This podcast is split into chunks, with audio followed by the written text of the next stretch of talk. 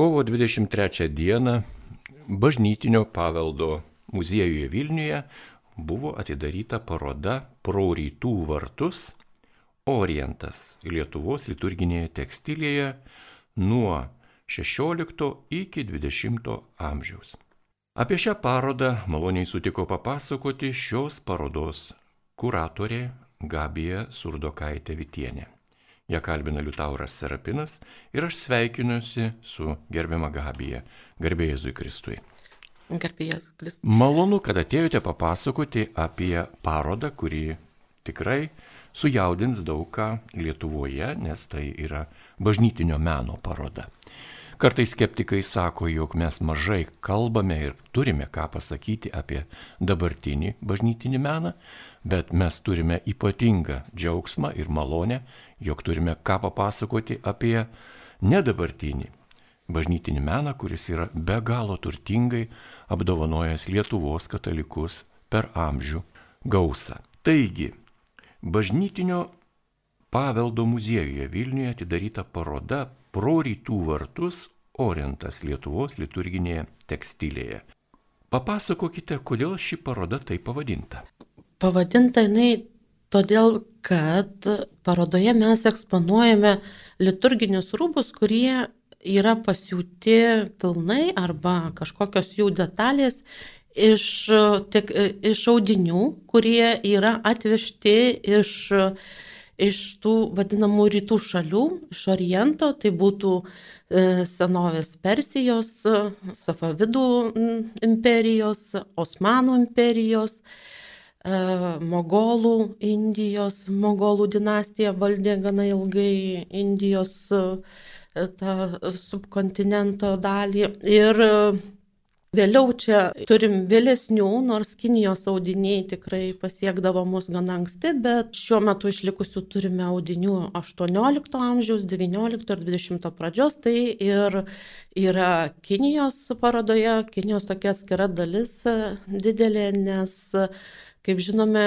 ta kin, e, Kinijos audinių istorija tai yra apskritai pasaulio šilko, šilko istorija. Na, tai paroda yra suskirstyta į tris dalis. Vienoje dalyje yra Kinijos audiniai, antra dalis yra skiriama tam dideliam labai Azijos regionui. Na ir trečioje dalyje e, mes eksponuojame keletą objektų tai yra europietiški dirbiniai, bet jų, na, jų sukūrimui, to audinių sukūrimui labai didelę įtaką turėjo rytietiška estetika, rytietiškos mados, iš, iš, iš kurių jie ir, ir radosi. Tai pradėjote gana iš tolimų šalių pasakoti apie šios parodos kilmę bei pavadinimą, kodėl jis toks yra. Žinoma, daugeliu žmonių galbūt ne, nesuprantamas yra žodis orientas. Kas tai yra? Tai yra rytų ar tai yra Azijos kažkoks terminas?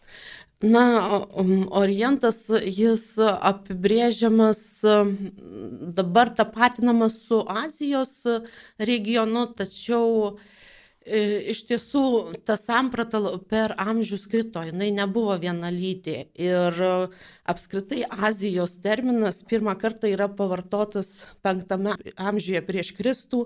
Jį pavartojo senovės Graikijos istorijos Herodotas, rašydamas apie Anatoliją, tai dabartinę Mažąją Aziją ir Persiją. Na, vėliau šitas e, Azijos ir terminas plėtėsi, vėliau jisai buvo suprantamas e, kaip viduržėmio jūros pakrantės visos, tai čia būtų ir Graikija, ir, ir Turkija, dabartinė Osmanų imperija, vėliau, na, taip pat ir Šiaurės Afrika, ką mes dabar visiškai šitas regionas nepriklauso Azijai. Ir nuo 7 amžiaus su islamo religijos įsigalėjimu ta teritorija plėtėsi. Tuo pačiu, na, susiformuoja tos ir europocentristinės tokios idėjos ir Ir tada rytai atsiranda orientas, iš, tuo metu tas terminas ir suvokiamas, tai, na, tas kit, kitas pasaulis, nepažintas europiečiai pasaulis. Rytuose tai, na, jis apėmė tai, kas yra kita, keista, nepažinta, paslaptinga. Na ir na, rytai arba orientas europiečiams būtent nuo antikos laikų buvo vieta siejama su nuotykiais, egzotiškomis būtybėmis, įsimintinais įspūdžiais ir nepaprastu kraštovaizdžiu. Ir dalis šių stereotipų yra, europiečiai yra išlaikę iki šių dienų ir šiandien mes taip galvojame. Na, šiaip Junktinių Amerikos valstijų mokslininkas Edvardas Seidas sako, kad Orientas buvo, visada buvo europiečių vaizduotės kūrinys, apėmęs būtent visą tą kitoniškumą. Na ir terminas tai yra iš, iš lotynų kalbos kilęs apibriežti rytams, Azijos tam e, regionui, nors tiesa, į Oriento savoką ne visi rytai įėjo. Pavyzdžiui, na, Orientas nebuvo Rusija, kur yra rytai, Sibirijos regionas niekada nepriklausė rytams. Na, ir, kaip minėjau, priklausė kai kurie regionai, kurie nėra dabar Azijoje. Ačiū už paaiškinimą, tikrai smagu jau žinoti, jog šis terminas orientas yra labai konkretus ir jisai netgi keičiasi, reiškia jisai pagal savo prasme truputėlį kinta. O ką galėtumėte pasakyti apie liturginę tekstilę? Kas tai? Tai drabužiai, ar tai vėliavos, užuolaidos, staltėsės, altorius, kas tai yra? Parodoje mes eksponuojame 32 eksponatus ir parodos proga jau yra išėjęs eksponatų katalogas, kuriame mes publikuojame dvigubai daugiau objektų. Na ir čia iš tikrųjų yra liturginė tekstilė, tai daugiausia arnotai, dalmatikos, turime tris kapas, stulos, manipulai, ligonių krepšeliai, tai, e, na, tokie tikrai liturginės tekstilės objektai ir yra vienas e, aušros vartų paveikslo uždanga pasiūta jau iš europietiško, europietiško audinio, tikriausiai Britanijoje austo, Tai tas ornamentas jis ir, irgi patyręs įtaką XIX amžiui buvo paplito labai e, tas vadinamas ornamentas būta, specifinis yra terminas. Ir jis buvo toks populiarus, kad Viktorijos epochoje faktiškai nu, buvo šaliai audžiami Didžiojoje Britanijoje namų, namų tekstilė ir jis e, įgavo specifinį tokį terminą kaip peislio ornamentu. Tai būtent tas peislio ornamentas yra na, tokia tiesioginė sąsaja su rytais ir, ir tos, ta užuolaida būtent yra persiūta iš e, Viktorijos laikų e, šalio. Malonus Marijos radio klausytojai, jūs girdite laidą apie Bažnytinio paveldo muziejuje Vilniuje atidaryta paroda Pro rytų vartus Orientas Lietuvos liturginėje tekstilėje nuo 16 iki 20 amžiaus. Apie ją pasakoja šios parodos kuratorė Gabija Surdokaitė Vitienė. Jei klausimus užduoda Liutauras Serapinas ir tesdami laidą jau susipažinome su šią parodą, kuri tikrai nudžiugins Vilniučius ir Vilniaus svečius, bei, žinoma, atskleis tą begalinį bažnyčios lobį, meninį lobį, kuris, e, na, yra tiesiog įvairiausių karų, visokiausių pasiekmių, dažnai labai nuniokojamas, išplėšiamas, išvagiamas ir taip toliau, bet turime kuo pasidžiaugti. Taigi apie šią parodą pasakoja Gabija Surdokaitė Vitienė ir norisi vėl klausti, kaip išliko ir kaip pasiekia mūsų laikus ši seniausia tekstilė, kokio būvio, kokia, kaip jie atrodo. Reikia pasakyti, kad šilkas daugiausia parodoje eksponuojama audinių iš šilko, tai šilkas na, yra ta organinė medžiaga, kuri yra be nepatvariausia ir šiaip geriausiai išsilaiko bet kokiamis sąlygomis. O O be to, na, mes turime Lietuvoje nuo 16 amžiaus antros pusės išlikusius artefaktus. Ankstesnių neturime, nes, na, Lietuvos tokia specifika, kad čia ir klimatinės sąlygos nelabai leidžia išlikti ankstesniems audiniams dides, didesniais gabalais, ar kaip pasakyti, fragmentais, nes pas mus labai drėgmė, rūdys žemėje ir, pavyzdžiui, archeologai kitose šalyse sausesnėse, kaip, pavyzdžiui, Gobio dykumoje esama palaidojimų, tai ten ištisi audiniai išlieka visais, visais rūbas arba arba, na, koks nors e, įklot, įklotas į, į, į, į tą kapą, tik todėl, kad būtent ten sausas klimatas, smėlis, jis užkonservuoja patį audinį. Tai Lietuvoje to nėra. Ir mes turime išlikusius tuos audinius, kurie buvo saugomi bažnyčių zakristijose. Dabar kalbant apie ankstyvuosius 16-17 amžiaus, tai ką mes parodoje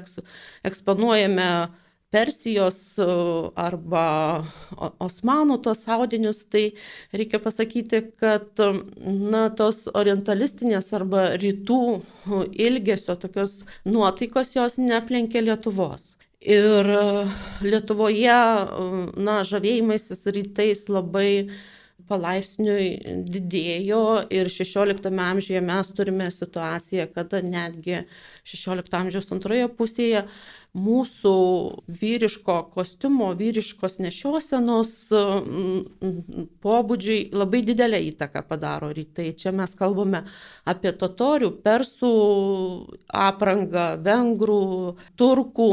Tai gauname tokį mišinį, kurį dabar mokslininkai vadina sarmatiniu arba kontušiniu kostiumu. Ir Ir netgi jau XVI amžiaus antroje pusėje, XVII amžiaus pradžioje e, tas kostiumas suvokiamas kaip vietinis, kaip tautinis kostiumas. Tuo tarpu moteriška mada, jinai pasuka visai kitą kryptimį XVII amžiaus jau pirmaisiais dešimtmečiais, antram, trečiam dešimtmetyje, na, didikų moterų mada labai ryškiai pasunka e, vakarų Europos link. Ir tie rytietiški e, audiniai jie pasidaro nebemadingi, o kadangi jie buvo tikrai labai brangus, prabangus, labai tvirti, patvarūs, labai aukštos technologijos, labai estetiškai gražus, jie buvo, tie drabužiai atliekami, jie buvo pradedami aukoti bažnyčios reikmėm. Ir iš jų persinamami liturginiai drabužiai ir tokiu būdu pradėti naudoti katalikų bažnyčiose. Na ir iš tikrųjų dar reikia pasakyti, kad tie drabužiai dėl savo puošnumo jie nebuvo naudojami kiekvieną dieną. Jie buvo šventiniai drabužiai. Todėl mes turime, na, tikrai išlikusių puikios, puikios būklės, puikios kokybės audinių, e, kuriais tikrai galime didžiuotis, nes parodoje yra tokių, na, netgi vienetinių ir pasaulinio. Tai, kas yra, jeigu mes galvotume apie pasaulinę istorinės tekstilės paveldą, tai pamatytume, kad net ir Lietuvoje esama tokių vienetinių labai retų audinių ir kuo tikrai galime didžiuotis ir, ir rodyti visam pasauliu. Jau papasakojate apie pirminę šių audinių paskirtį. Tikrai e, visiškai suprantame, jog brangus audeklas jis gali būti persiūtas įvairiems tikslams. Gal galėtumėte daugiau papasakoti apie šiuos audinius, iš ko jie buvo pagaminti, kaip jie atrodė, kokie raštai buvo, kokios medžiagos naudotos, kokios galbūt ne, nebūdingos audiniams medžiagos naudojamos buvo taipogi. Na, kalbant apie rytų tekstilę, tai Indija. Vienintelė Indija garsėjo medvilnės audiniais, o kai kalbame apie osmanus, safavidus, Kiniją, tai, tai faktiškai daugiausia turime šilkinius audinius. Tie audiniai daugiausia, tai ką mes kalbame ir matome dabar, tai buvo išskirtinai prabangos prekė. Audžiami valdovų dirbtuvėse, jie buvo labai mažais kiekiais audžiami Na ir kalbant na, apie pačias technologijas, tai kinai pirmieji išrado stakles, kurias buvo galima išausti raštą iš šilkinio audinio. Tačiau šias stakles patobulino persai ir buvo jau galima austi kelių spalvų ir kelių sluoksnių tuos e, audinius, labai sudėtingus. 17 amžiaus keliautojai, kurie keliavo Persijoje, stebėjosi, kad prie vienų staklių dirbdavo šeši žmonės. Tai yra vienas meistras ir penki padėjėjai, kurie turėjo kiloti, kiloti nytis, rinkti tam tikrą rašto dalį taigi, ir Ir tai nepaprastos technologinio sudėtingumo audiniai yra. Na, o apie ornamentiką kalbant, tai būtent Azijos tam didžiajam kontinentui labai didelę įtaką padarė islamo religija filosofija, e, labai stipriai audinius, audinių raštams įtaką padarė literatūra, ką mes, e, pavyzdžiui, Europoje to neturime. Na ir Kinijoje labai stipriai įtaka buvo budizmo. Ir kas mums yra labai svarbu ir aktualu, kad islamo kultūroje na, toks žemiškas sodas yra rojaus sodo įvaizdis ir ne veltui tiek osmanai, tiek persai labai plėtojo tas sodų kultūrą, pas juos labai išvystyta buvo žemiškiai sodai. Na ir augalai buvo Dievo tokio Dievo kūrybos, stebuklo, gyvybę teikiančios galios atvaizdas, amžinojo gyvenimo simbolis. Ir dar reikia pasakyti, kad na, apskritai islamo valstybėse pirmosiuose pradėta audinių raštus pradėjo kurti profesionalūs dailininkai. Dar gerokai iki to, kol ši tradicija buvo perimta, perimta Europoje ir tiesiog rūmų dailininkai, miniatiūrų piešėjai jie, e, jie turėjo užduotis ir kurti raštus audiniams. Na ir šituose raštuose būtent ir atsispindėjo visas tas e, literatūros, filosofijos, teologijos pasaulis. Pavyzdžiui, XVI amžiaus viduryje, valdant sultanui Suleimanui I, rūmų dirbotuvėse įvyko ryškus puošybos stiliaus pokytis, kuris labai greitai apėmė visus taikomuosius menus. Ir šitas pokytis siejamas su rūmų dokumentuose minimu garsiu miniatiūrų dailininku Karamemi, kuris augaliniais naturalistiniais ornamentais iliustravo Korano manuskriptus, paties Suleimano poeziją na, ir kitus literatūrinius kūrinius ir jam buvo tokia savit, būdinga savita, lengvai atpažįstama sodo augalų, ypač gėlių stilizacija. Na ir čia atsir, tuose audiniuose, mūsų audiniuose jau pražįsta tokios svarbiausios asmanų sodų. E, sode buvusios gėlės tai tulpė, hiecintas, gvazdikas, Na ir osmanų kultūroje apskritai tulpė tai yra vienas svarbiausių augalų, nes jos pavadinimas tariamas e, turkiškai, nors tai pats terminas yra kilęs iš persų kalbos, tariant turi panašumą su Alacho vardu ir, ir šita gėlė jinai visada primindavo apie Dievą ir kartu buvo laikoma nuolankumo Dievui ženklui. Na ir kita tiek pat dažna svarbi gėlė gvazdikas ir dėl savo ilgo žydėjimo jinai tapo gyvybės jėgos ir atsinaujinimo simboliu amžinos meilės, drąsos ir net maištingumo ženklų. Na va, ir pavyzdžiui, persų kultūroje e, labai svarbus augalai yra irisas, lelyje, ta pati tulpė, hiacintas, gvazdikas, na, panašus audiniai, panašus gėlės, bet jos traktuojamos truputį kitaip, bet Čia taip pat yra labai svarbus įvairūs paukščiai, paukščiai kur, kuriais irgi kūriamas tas rojaus sodo toksai įvaizdis.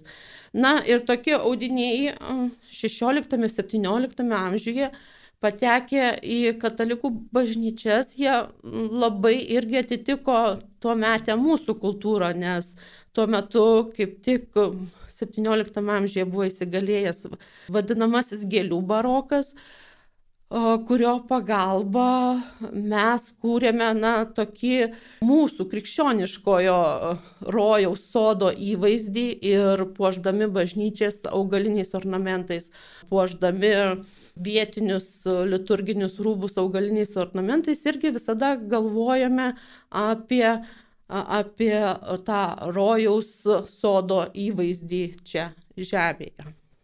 Labai įdomiai jūs kalbate apie apie tokius tolimus kraštus, apie tas kultūras, kurios tikrai nėra krikščioniškos, tai yra islamas, tai yra budizmas, tai yra kitos ten Indijoje, Sinkhu arba kokios kitos religijos, jos turi visiškai, na, kitokį, sakykime, teologinį pagrindą ir ką kitą, bet vis tiek remiasi į žmogaus pojūčius, į žmogaus regimas kažkokias tai formas, ar būtų geometrinio ornamento, ar augalinio, ar gyvulinio ornamento ir taip toliau ir taip toliau. Norėjau jūsų paklausti, žmogus, ar vaizduojama šituose audiniuose žmogus? Persų, persų audiniuose yra figūriniai žmogaus figūros ir tai yra jų, jų svarbiausi literatūriniai veikėjai, Leili ir Medžiūnas. Dar, dar buvo Horosas svarbus, bet bet tai gana trumpo laiko, 17 amžiaus audiniai ir paskui, paskui po užkariavimo 18 amžiaus pradžioje na, ta, ta tekstilė visa, jinai labai pasikeičia. Tiek Osmanų imperijoje, tiek Persijoje po, po, po patirtų užkariavimų, dinastijų pasikeitimų e, tekstilės kokybė krenta, nes daugum, labai daug meistrų yra jie pasitraukę į kitas šalis Ir čia būtent Lietuvoje netgi mes turime atvykusių persų meistrų, čia kūrusių savo dirbtuves, tiksliau juos samdė magnatai ir prie magnatų dvarų buvo kūriamos dirbtuvės, bet jos buvo ir vadinamos persinėmis. Na ir atsiranda tos stilistikos audiniai, kurius tiesą sakant mums mokslininkams, muziejininkams yra gana sunku identifikuoti, nes stilius, netgi techninės savybės daugeliu atveju yra išlaikomos. Ir būna tikra sėkmė, jeigu randama signatūra ant to audinio, kur austa, pavyzdžiui, Luskas, Ružanai, Gardinas, tai Tai e, šiuo atveju nu, tokia sėkmė lydi, nes kai kuriuos, jeigu randama ta signatūra, nes jeigu nėra audinio be signatūros, tai yra taip netgi suklydusių mokslininkų, kurie remdamiesi stilistiką, remdamiesi audinio kokybę naudojimais verpalais, jie priskyrė būtent persų arba Osmanų imperijos audiniams. Na, aišku, kita vertus, pavyzdžiui, os, osmanai, jie nukentėję labai per karus 18 amžiui atsiveža meistrus iš Europos ir tada jų audiniai irgi labai pasikeičia, įgyja labai daug tų, na, europietiškos stilistikos savybių. Tuo pačiu, pavyzdžiui, kalbant apie Kiniją, tai Kinijoje irgi ta nors kalbame apie tradicijas, kanonus, tradicijų laikymasi, bet pasikeitus valdančiai dinastijai, su čino atėjimu labai keičiasi tekstilė, ornamentika visa keičiasi. Ir netgi XIX amžiuje juos irgi paveikia industrinė revoliucija ir jų audiniai tikrai suprastėja. E, be to jie stengiasi jau tuo metu gaminti specialiai Europos rinkai, kas irgi na, duoda savų atspalvių ir niuansų į, į audinių tą ornamentiką ir, ir komponavimo būdus, spalvų pasirinkimus ir taip toliau. Tęsėme pokalbį apie parodą, kuri buvo atidaryta Bažnytinio paveldo muziejuje Vilniuje pavadinimu Pro rytų vartus Orientas Lietuvos liturginėje tekstilėje nuo 16 iki 20 amžiaus. Ir apie šią parodą bei joje eksponuojamus meno kūrinius pasakoja šios parodos kuratorė Gabija Surdokaitė Vitienė. Jau daug papasakojate apie kūrinius, kuriuos jūs e, pateikėte žiūrovui ateinančiam į muziejų. Norisi paklausti, ar rytų simbolika kaip ji buvo pritaikyta krikščioniškai žiniai skleisti, gimė suprantame, jog tikrai ne visi audiniai gali būti vaizdu, nu, gali būti naudojami katalikų bažnyčioje. Iš rytų kultūros mes žinome, jog daug yra tokių įvairių vaisingumo scenų ir taip toliau. Gal juos galima vaizduoti e, rojaus sukūrimo kažkokiose tai, na, detalėse, betgi ne viskas. Taigi kokie audiniai galimai buvo naudojami, o kokiu audiniu iš vis neįmanoma buvo naudoti katalikų bažnyčioje. Žinot, iš pradžių, aišku, kyla klausimas, kiek tas audinys jis buvo suprastas, perskaitytas. Galėjo jisai atlikti, na, tokią daugiau gal estetinę prasme, jei kalbame apie augalinį ornamentą ir kur vaizduojamas lotosas, bijūnas, na, kiti tokie augalai pas tuo metu buv, mums buvę nematyti. Tai, tai čia vienas klausimas, bet mums iš tikrųjų yra neišspręstų mislių, kaip pavyzdžiui Turgelių bažnyčios arnotas, kurio kolonoje yra įsiūtas, siuvinėtas fragmentas audinys su, su kiniškais drakonais ir perlais. Tai, tai visiškai, na, kažkoks nežinau, stebuklų nepavadinsi, susipratimų nepavadinsi, bet tos e, nugaros kryžiaus centre puikuojasi kiniškas drakonas, ryjantis perlą ir, na, jis yra persiūtas XIX amžiaus pabaigoje, XX amžiaus pradžioje, kada jau buvo atgimusi krikščioniška simbolika. Buvo labai svarbu svarbus tas pasakojimas simboliais, krikščioniškais simboliais. Ir čia mes turime, atsiranda pas mus drakonas. Tiesa, Kinijoje drakonas yra suvokiamas trupai, truputį kitaip negu vakarų kultūroje, pas mus tai yra neigiamas personažas, O Kinijoje tai yra na, teigiamas personažas, drakonas su perlu, su perlu tai yra jis neša sėkmę.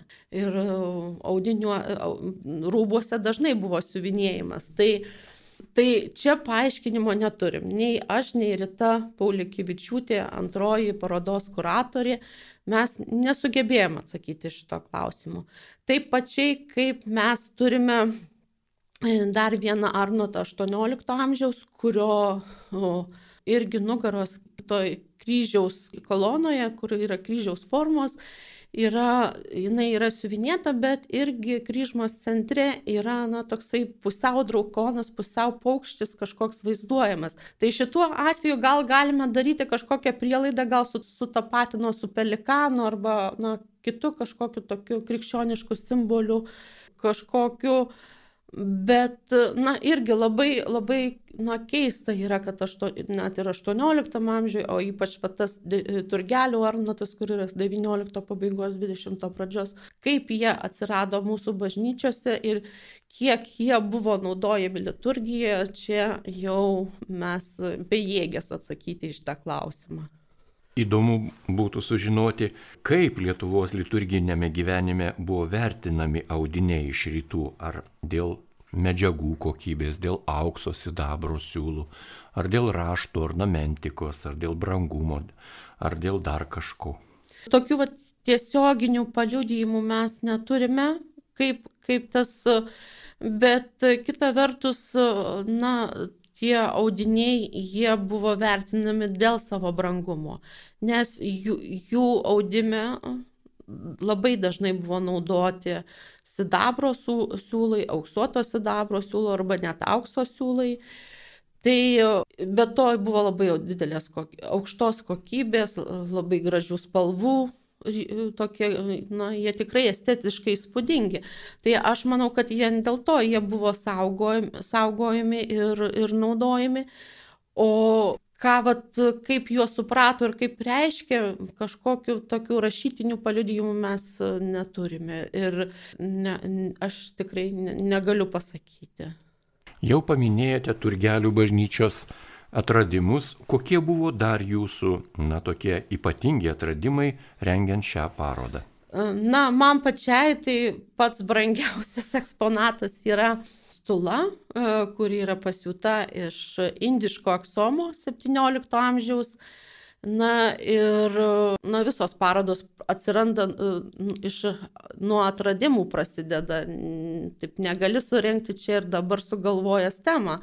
Tiesiog ta, ta medžiaga informacinai kraunama daug metų, bet būtent taip atsitiko su ta e, stula, aš ją pamačiau visiškai atsitiktinai, tik tai pliaukštėlėjau muziejuje. Lietuvos nacionalinio muziejaus fonduose buvau ir ten tyrinėjau e, siuvinėtą liturginę tekstilę ir pamačiau tokį keistą daiktą. Na ir pradėjau ieškoti, ieškoti ir niekaip nesupratau, kas tai yra. Ir tada kolegija padėjo Šveicarija kur jinai pasakė, kad tai yra 17 amžius, 17 amžius, mogolų aksomas, šilkinis. Ir sakė, taip, taip, Europoje dar turim vieną tokį pavyzdį, mes nusipirkom mūsų fondas neseniai. Tai aš paskui pradėjau ieškoti apie tą audinį informacijos, tai iš tikrųjų tai yra toks retas audinys, Jį dar turi Metropolitano muziejus e, Junktinėse Amerikos valstijose. Nu, ir kaip sakau, tai nuo to ir kyla toks pasididžiavimas mūsų paveldų, tai ką mes turime išsaugoti ir kad tai mes nesame kaip dažnai norima pasakyti, kad kažkoks pasaulio pakraštys, kad mes esame pasaulio dalis. Na ir dar su tas stula irgi susijęs toks e, įdomus man pačiai atradimas buvo gal ir, ir žiūrovams parodos bus labai įdomu sužinoti, kad Aš bandžiau seaiškinti, koks ornamentas ten vaizduojamas, o ten vienas gėlės žiedas per visą audinį eina. Vat ieškojau, ieškojau ir radau, kad tai yra serentis. Žinot, Lietuvoje mes irgi turim tos geltonai žydinčius gvazdikus, kiti tagėtėm vadina. Tai būtent ta gėlė. Ir Ir aš galvoju, taip logiška, nes besirenčių, aš galvoju, toj populiarioje kultūroje Indijoje, tai ką met, mes matome dokumentiniuose filmuose, tai ką mes matome indiškose filmuose, visos šventės yra su serenčiais. Bet pasirodo, kad tie serenčiai netokie jau ir seniai Indijoje. Juos 16 amžiaus pabaigoje į Indiją atgabeno portugalai iš Latino Amerikos. Ir ta gėlė tiek prigijo, kad tapo, na, tokia jau visiška Indijos kultūros dalimi. Na, dar vienas toksai be turgelių to Arnoto dar mums labai svarbus irgi atradimas, tai čia jau kolegė Rita Paulikivičiūtė ilgai dirbo irgi bandė įsiaiškinti. Tai yra vienas Arnotas, jis kaip nebūtų labai išvaizdus, bet jo specifika yra, kad austas K technika ir apatinė dalis yra medvilninė audinio, o viršutinė dalis yra šilkinė. Na ir galų gale mes, mums pavyko išspręsti tą myslę, pasirodo, tai yra mušrų tipo audinys. Indijoje audžiamas buvo specialiai musulmonams, nes tuo metu jiems buvo draudžiama naudoti nešioti šilkinius rūbus. Jie buvo laikomi per prabangiais, tai buvo kaip ir na, pranašo Alacho įžeidimas. Tai buvo sugalvoti tokie audiniai, kur metmenys buvo medvilniniai ir to, tokiu būdu apačiaudinio tapo medvilninė, jinai lietėsi prie kūno, o išorėje kuri nesiliečia prie kūno, mes turėjome, turime puikų, gražų šilkinį žvilgesį. Na, irgi toksai, toksai įdomus dalykas. Tiesa, reikia pasakyti, kad iki XIX amžiaus vidurio Indijos oficiali, oficialioji religija buvo mūsų šitas islamas. Laidai liko porą minučių, o dar norisi daug ko paklausti. Parodoje yra ir šio laikinių menininkų darbų rytų tema. Gal truputį ir juos pristatykite. Taip, tai čia, na, jau yra tokia bažnytinio paveldo muziejaus, na, ir misija, ir privilegija. Jie, jie nuo, pat, bažny, nuo pat muziejaus atidarimo 2009 metais siekia parodyti ir šio laikinį, tą šio laikinį meną e, su anksčiau vykusiomis parodomis labiau tai būdavo susiję su krikščioniška arba katalikiška ta tradicija.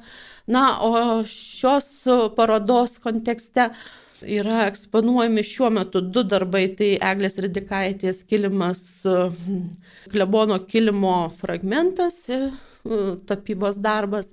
Ir tai Eglė Ridikaitė, jinai neapmasto tos rytų temos, bet jos yra santykis su praeitimi, kuria dabartį, bet tas kilimas, jis yra rytietiškas iš vidurinės Azijos kilmės. Va, o Miglė Lebednikaitė yra aistringa Japonijos kultūros na, mėgėja ir, ir žinovė, ir giliai studijuojanti, tai jinai, demo, jinai eksponuoja šioje parodoje du kimono, sukurtus tradicinėmis technikomis pagal kanonus ir netgi yra gavusi japonų labai didelius įvertinimus, rekomendacijas ir sertifikatus, kad jinai jau gali kurti tuos tradicinius japoniškus kimono, kurių kurių suku, na, visas tas procesas sukūrimo užima kelis mėnesius. Tai, taigi čia jau Miglė mums demonstruoja tas senųjų tradicijų tasą dabar ir kaip, gali, kaip galima sukurti nuostabaus, nuostabus tie jos kimono yra, na, vat, nuostabius daiktus, kuriuos ir būtų galima ir dabar dėvėti, bet, na, kai žinai, kad žmogus įdėjo 3-4 mėnesius darbo tą rūbos sukūrimą, kažkaip nekyla noras jo apsivilkti. Taigi laida atėjo į pabaigą ir šiandien apie bažnytinio paveldo muziejuje Vilniuje atidarytą parodą Pro rytų vartus Orentas Lietuvos liturginėje tekstilėje nuo 16 iki 20 amžiaus pasakojo šios parodos kuratorė Gabija Surdokaitė Vitienė. Dėkojame Jums malonus radio klausytojai ir kviečiame šią parodą aplankyti gyvai. ją nesunkiai rasite internete, sužinoję kur, kaip ir kada. Taigi, likite su Marijos radiju ir toliau.